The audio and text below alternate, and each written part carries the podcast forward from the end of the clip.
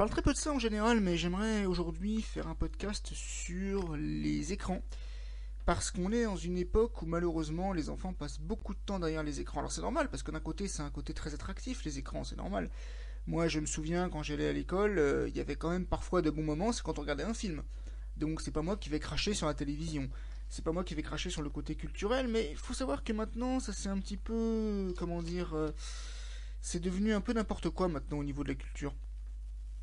En fait, de manière générale, les gens perdent le goût de lire, ils perdent le goût de s'instruire parce que, en fait, l'instruction est faite de telle manière que c'est pas ludique. C'est pas ludique. Alors, si c'est pas ludique, forcément, ça donne pas envie. Ça, renvoie à une image scolaire qui est pas très agréable. Pourtant, il faut aussi faire attention à ce qu'on regarde. Je suis né en 1991, moi. Je suis né en 1991 et par conséquent, je suis quelqu'un qui a vécu la plupart de son temps à une époque où il n'existait pas encore de... Hum, comment dire Les appareils technologiques n'étaient pas développés comme maintenant. Alors il y a des bons et des mauvais côtés, je dis pas. Mais il faut savoir que quelque part, quand j'étais petit, on avait encore la télévision écran, euh, c'était euh, tube cathodique, CRT. On n'avait pas forcément un ordinateur à la maison, on n'avait pas forcément non plus la 3D, on n'avait pas forcément les dessins animés un peu bébêtes comme maintenant, c'est-à-dire tout ce qui est euh, euh, tout ce qui est en tout ce qui est en comment on appelle ça? Tout ce qui est en 3D, tout ce qui est en pâte à modeler, enfin ça existait un petit peu mais c'était pas développé comme maintenant et pourtant je dirais qu'il y avait quand même de bons dessins animés. Il de bons dessins animés. Alors en fait le truc c'est que maintenant maintenant ça à une époque, moi je me souviens quand j'étais petit, il y avait de bons dessins animés, il y avait et Arnold, c'était bien. C'est un alors pour ceux qui connaissent pas parce que c'est pas leur génération, en fait c'était un c'est un gamin qui donnait toujours des conseils aux autres, euh, à ses parents, bon, euh, enfin non, ses parents non, parce qu'ils étaient, ils étaient dans la jungle, mais à ses grands-parents, à ses amis, à ses voisins. C'était pas mal, moi j'aimais bien. Il y avait, d'ailleurs, pour ceux que ça intéresse, j'ai écrit des, des la série a duré 5 saisons, et pour ceux que ça intéresse, moi j'ai inventé une sixième saison dans laquelle j'explique justement, enfin, je, je, c'est en anglais, hein, mais j'ai fait une sixième saison où je, je, fais des fanfictions sur E. Arnold. Je vais en train, je suis en train de préparer la septième. Il y avait également l'équivalent, c'était la cour de récré, donc là ça se passait dans une école. Pour le coup c'était sympa, on avait donc toute une bande de, gamins, et chacun était représenté par un trait de caractère. Donc il y avait TG, c'était le, chef, quoi, le leader. Il y avait, euh, le, le sportif Vince. Il y avait Gretchen, c'était l'intello. Il y avait le personnage de Spinelli. Spinelli c'était en fait euh, la dure à cuire. Il y avait aussi le personnage de Mickey. Mickey, c'était le sensible, en fait. C'était assez drôle d'ailleurs, parce que c'était un personnage qui était hyper sensible. Euh, mais il avait un physique assez imposant, donc du coup, on jouait sur le contraste, en fait, le gentil géant au cœur tendre. Et il y avait Gus, j'ai pas trop compris à quoi il servait, mais enfin, il était là. Et puis après, il y avait d'autres personnages également qui étaient. C'était pas mal parce que c'était en gros, comme l'avait si bien souligné une personne que je connaissais sur un forum, elle avait dit que, en fait, la cour de récré représentait la société en petit. Et c'est vrai que quand on y réfléchit, c'était pas mal, c'était bien trouvé, et c'était effectivement. Euh, c'était une façon de voir les choses. C'était une façon qui, moi, me plaisait beaucoup. Mais ouais, c'était bien, c'était bien parce qu'il y avait en gros des morales. Bon, certains épisodes n'étaient pas terribles, mais dans l'ensemble, j'ai bien aimé. J'ai bien aimé.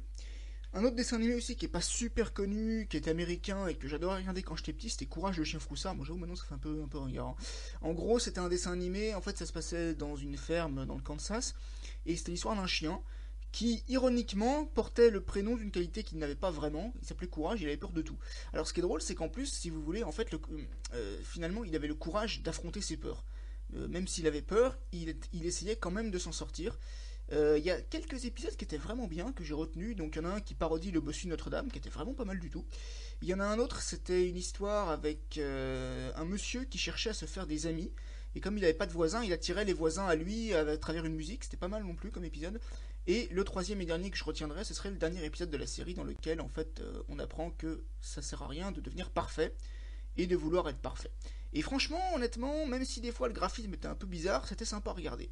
Après, il y a tout le dessin animé type cartoon, donc que ce soit les, Looney c'est-à-dire tout ce qui est Bugs Bunny, tout ce qui est Daffy Duck, etc. Bon, ça peut être rigolo deux trois fois, mais c'est pas c'est pas ce que j'ai le plus préféré. Il y a tout ce qui est euh, bande dessinée adaptée en dessin animé, donc ça comprend également les mangas, donc tout ce qui est, je dirais, euh, euh, Détective Conan, encore qu'il y en a un ou deux qui étaient pas mal. tout ce qui est Tintin, tout ce qui est bon, alors forcément, c'est pas toujours fidèle à la version originale.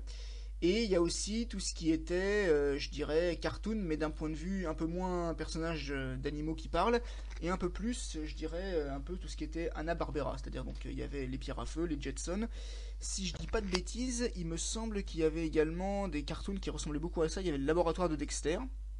C'était en gros un petit garçon qui inventait qui inventait des, trucs dans, son laboratoire, qui était constamment emmerdé par sa sœur. Et il y avait les Super Nanas, c'était aussi des dessins animés qui étaient diffusés sur Cartoon Network, donc c'est écrit par Jendy Tartakovsky pour ce qui est du laboratoire de Dexter. Et, bah, il a pris un coup le mec hein, quand je le vois. Et euh, il, a, il y a également donc euh, les Super Nanas. Les Super Nanas, en gros, c'est un, un dessin animé qui raconte donc l'histoire de trois petites filles qui sont super douées et qui sont des super héroïnes, mais elles sont également en maternelle. Et du coup, elles doivent sauver le monde alors qu'elles sont. C'est pas très, pas crédible.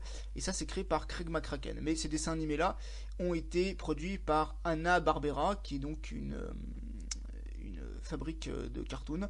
Euh, ce qui était d'ailleurs parce que maintenant c'est plus actif depuis 2001 et donc euh, ce sont donc Anna et Barbera qui sont à l'origine des Super Nana, du laboratoire de Dexter si je dis pas de bêtises, des pierres à feu et des Jetsons. Les pierres à feu et les Jetsons en fait ce sont des dessins animés qui parlent alors les pierres à feu ça parle en fait euh, d'une famille de Cro-Magnons, c'est pas compliqué et les Jetsons ça parle d'une famille qui, vit dans le futur. Voilà, c'est vraiment pas dur hein. franchement honnêtement y a, je pense je pense que clairement au niveau au niveau des hum, descriptions, je peux difficilement expliquer.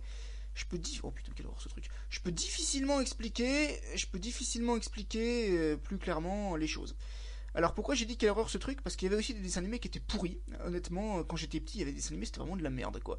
Euh, déjà tout ce qui était du Pont-Avis, j'ai pas du tout accroché. C'est-à-dire qu'en fait le gars, il a complètement massacré. Bon, il a fait Lucky Luke par exemple, c'est lui qui l'a produit. Il a massacré le truc. Il l'a massacré. Franchement, il l'a massacré. La bande dessinée était sympa.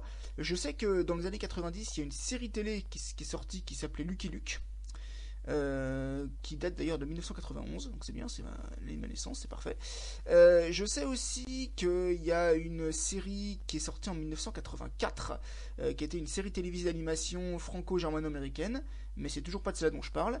Et il y a eu en 2001 les nouvelles aventures de Lucky Luke, ça c'est plus vraiment la merde. Hein. Pour honnêtement, à part 2-3 épisodes qui étaient marrants, mais sinon c'était vraiment nul.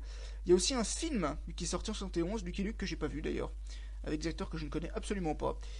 Euh, si, il y, a Jean Berger, qui faisait la voix de Jolly Jumper, le, cheval, donc, Nicole Croisille, ou encore euh, les comédiens, si, il y en a quelques-uns qui étaient connus, hein. il, y avait, notamment Jacques Balutin, il y avait Pierre Tornade, il y avait Jacques Fabry, je ne savais pas qui était acteur, Gérard Rinaldi, et c'est pas mal quand même, pas mal de gens que je connaissais.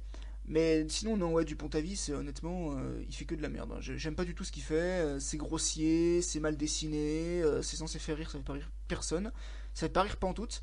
comme producteur, j'ai envie de dire, il est pas. Bon, c'est un mec vachement sympa, hein, je dis pas le contraire, mais en tout cas, au niveau de ses productions, j'ai pas trop accroché. Il avait également produit Les Zinzins de l'espace. Alors ça, dans le, conseil, le concept pardon, était sympa, mais sinon, euh, les graphismes étaient chiés. Il avait également, donc c'est celui qui a fait Zig Charcot, ça je connais pas. C'est celui qui a fait notamment Oggy et les cafards, j'aime pas du tout. Bon, on va arrêter avec Marc de Montavis parce que je vais pas arrêter de le dénigrer, donc je vais peut-être arrêter de faire ça. Il y a également dans les dessins animés de Schnout, il y avait également tout ce qui était euh, Bob l'éponge, euh, Bob le bricoleur, enfin voilà, quand, quand t'appelles Bob, c'est pas trop le top les dessins animés. Et il y avait aussi, alors oui, il y en a un dessin animé que je supportais pas quand j'étais petit, c'était Franklin. Alors ça, Franklin, qu'est-ce que c'était nul?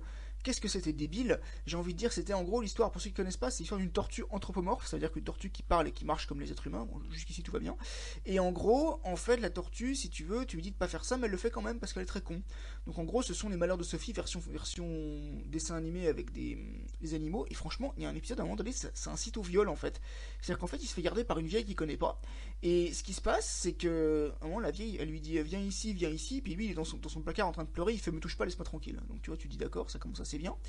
Euh, dans les dessins animés qui étaient à chier aussi, il y avait encore pire, il y avait des Razmoquettes. Ça, comment tu peux regarder un dessin animé pareil? Comment tu peux proposer une merde pareille? Je comprends même pas, je, comprends pas ce qui est passé par la tête des studios pour accepter un truc aussi con. Je veux dire, des gamins, il y en a un, il a un tournevis dans sa couche, tu vois, c'est super dangereux. Euh, il y a une gamine de 3 ans, il envoie en colonie de vacances à 3 ans, c'est pas crédible du tout. Il y a des gens, ils ont des surnoms, franchement, les, gamins ont des surnoms. Euh, bon, la binocle, le mec, il, a, appelle comme ça, il se fout de sa gueule parce qu'il a des lunettes. Casse-bonbon, le, le mec, c'est un gros casse-couille, tu vois. Et euh, les, les, histoires, elles n'ont pas de sens, les personnages, ils sont mal dessinés, bon, c'est n'importe quoi. Euh, à l'opposé, il y a des dessins animés qui m'ont bien plu, qui m'ont touché. C'est le cas également d'un dessin animé qui s'appelait Arthur. Je sais pas si qui connaissent. Un, un dessin animé qui est vieux maintenant, qui date de 1996, qui s'est fini d'ailleurs en 2022 qui a duré 25 saisons. Donc, contrairement à ce qu'on pense, ce n'est pas un lapin, c'est un ornithorynque, un cochon de terre, comme on, aime le dire. Mais il y a quand même des thèmes qui sont. Il y a quand même des thèmes qui sont. qui sont. Euh, comment dire il y a quand même des thèmes qui sont abordés, qui sont pas des thèmes qu'on aborderait dans des dessins animés classiques pour enfants. C'est-à-dire qu'en fait, ils vont parler de la maladie d'Alzheimer, du cancer, euh, euh, des handicaps de certaines personnes, des gens qui par exemple sont atteints d'autisme, des gens qui bégayent, des gens qui ont des difficultés pour se déplacer. Euh, enfin, j'ai envie de dire, il n'y a pas que ça. Hein. Parfois, il y a aussi des histoires qui, traitent d'autres choses. Moi, je me souviens d'une histoire où, par exemple, on parle euh, du dernier jour de cours. Ils se demandent quel prof ils auront l'année prochaine, si leur prof sera aussi bien que celui qu'ils ont eu cette année. Enfin, ça, c'est quand même intéressant. S'il y a quand même des sujets plus légers. Mais je veux dire, il a pas. Franchement, c'était pas mal du tout. Et un autre que j'ai bien aimé aussi, c'était La famille Berenstein. La famille Berenstein, c'est un dessin animé qui, avec des ours. Et en fait, le truc, c'est que les ours, ils font beaucoup de conneries, mais ils sont pas. C'est quand même raconté de façon intéressante. C'est-à-dire que d'abord, on ne présente pas seulement les enfants comme des gens qui, n'apprennent rien. C'est-à-dire que parfois, ce sont aussi les adultes qui ont des difficultés, surtout le père qui a des, de gros problèmes au niveau parfois de, de, de son organisation. Enfin, il y a des choses qu'il comprend moins bien que ses enfants, alors que pourtant euh, il n'a pas de handicap particulier. Euh, il y a, des, il y a des, quand même des, histoires qui sont intéressantes, euh, qui, sont, qui sont vraiment qui sont vraiment pas mal. Donc je, pense qu'effectivement c'est un bon dessin animé, il y a des épisodes qui étaient vraiment intéressants et qui fallait vraiment le coup d'être vu. Voilà pour ce qui est de, de ce de ce de ce dessin animé. Euh, après, j'ai envie de dire, bon, après, il y a tous les classiques, hein, les pastagom, euh, il y, avait un truc que j'adorais quand j'étais petit qui s'appelait Le Monde de Bobby, mais ça, aujourd'hui, je comprends pas comment j'ai pu aimer ça parce que c'était vraiment stupide. Euh, enfin, je trouve ça vraiment stupide aujourd'hui. Il y a aussi. Euh, alors après, il y a tout ce qui est dessin animé pour adultes. Donc ça, on n'en a pas beaucoup parlé. Euh, notamment, il y a les Simpsons. Parce que contrairement à ce qu'on pense, en fait, les Simpsons ne sont pas un dessin animé pour enfants, c'est un dessin animé pour adultes. Donc c'est pas forcément un dessin animé qui est pornographique ou qui est dégueulasse, mais parfois, il y a des épisodes dans lesquels les personnages s'expriment de façon un peu étrange. Et je vois mal des enfants regarder ça. Donc ça peut être intéressant de dire que les Simpsons ne sont pas une série pour les enfants, même si on pense que c'est le cas. Euh, d'ailleurs, puisqu'on parle des Simpsons, petit aparté, en fait, pour ceux qui habitent au Canada, ils n'ont pas la même voix qu'en France, en fait. C'est-à-dire que si vous habitez en France, en Belgique ou en Suisse, vous allez voir que les personnages sont toujours doublés par les mêmes comédiens, mais au Québec, ce sont d'autres comédiens qui doublent les personnages d'Homer et de sa famille et de ses amis et de tout l'entourage des Simpsons. Vous avez aussi une série qui s'appelle Family Guy. Family Guy, en fait, c'est une série qui est créée. Alors, c'est, en fait, ce serait les Simpsons, mais un, un peu plus vulgaire quand même. Donc là, pour le coup, c'est clairement pas pour les enfants. Pareil, vous avez la série American Dad, c'est le même créateur d'ailleurs que Family Guy. Donc du coup, euh, alors Family Guy en français s'appelle Les Griffins, hein, donc pour ceux qui, qui connaissent pas trop. Et donc American Dad en fait c'est un, c'est un, c'est une série euh, donc pareil, c'est, pas pour les enfants. Clairement, c'est pas pour les enfants. S'il y a des enfants qui, qui veulent regarder, ils peuvent, hein, c'est pas, c'est pas interdit, mais je pense pas qu'ils comprendront clairement l'humour de la série American Dad, de la série des Griffins et de la série Les Simpsons. Et enfin, on va parler également de la série South Park. Alors ça, c'est le conte de la vulgarité. Même moi, j'aime pas ça. C'est pour vous dire à quel point vraiment c'est. Family Guy, c'est vulgaire, mais il y a quand même encore quelques. Il y a quand même quelques. Il y a quand même quelques quelques, je dirais quelques scènes qui sont relativement correctes. South Park, c'est tellement vulgaire qu'au bout de deux minutes, j'ai arrêté de regarder. Donc c'est pour vous dire à quel point j'ai vraiment pas aimé du tout cette série. Voilà, donc je pense avoir fait un tour à peu près dans les dessins animés. On on n'a pas trop à se plaindre, hein, parce que j'ai envie de dire, euh, quelque part, euh, c'est dans, dans, le fond, j'ai quand même eu une bonne éducation, on va dire, cinématographique. Après, ce qu'il faut savoir aussi, c'est que concrètement, euh, c'est que concrètement, voilà, là j'ai parlé des dessins animés, j'ai parlé des, des séries d'animation. Je parle de ce que je connais, hein, parce que bon, tout ce qui est Peppa Pig, Carabouille, tout ça, je connais pas. C'est pas ma génération. Et puis, ah oui, un autre dessin animé aussi je voulais parler, c'était Marcelino. Ça, je trouve ça débile, franchement, pour le coup. Un gamin qui est élevé par des moines dans une ferme, dans un monastère, pardon. Euh, c'est pas crédible du tout, parce que les moines ont pas du tout la fibre paternelle. C'est vraiment n'importe quoi. Bon, maintenant, euh, je pense que dans le prochain podcast, on parlera des séries télé. Il y aura peut-être plus de choses à dire d'ailleurs, parce que ce sont des sujets sur lesquels j'ai plus de matière à raconter. Voilà, je vous remercie d'avoir suivi ce podcast. Euh, c'est un podcast qui, comme tous les autres, a été entièrement et totalement improvisé. J'espère que vous allez passer une bonne semaine. N'hésitez pas à échanger avec moi s'il y a des dessins animés dont j'ai pas parlé parce que je ne les connais pas ou parce que tout simplement vous avez envie de me faire découvrir quelque chose. Ma porte sera ouverte avec plaisir. Je vous souhaite un bon moment et je vous dis à bientôt.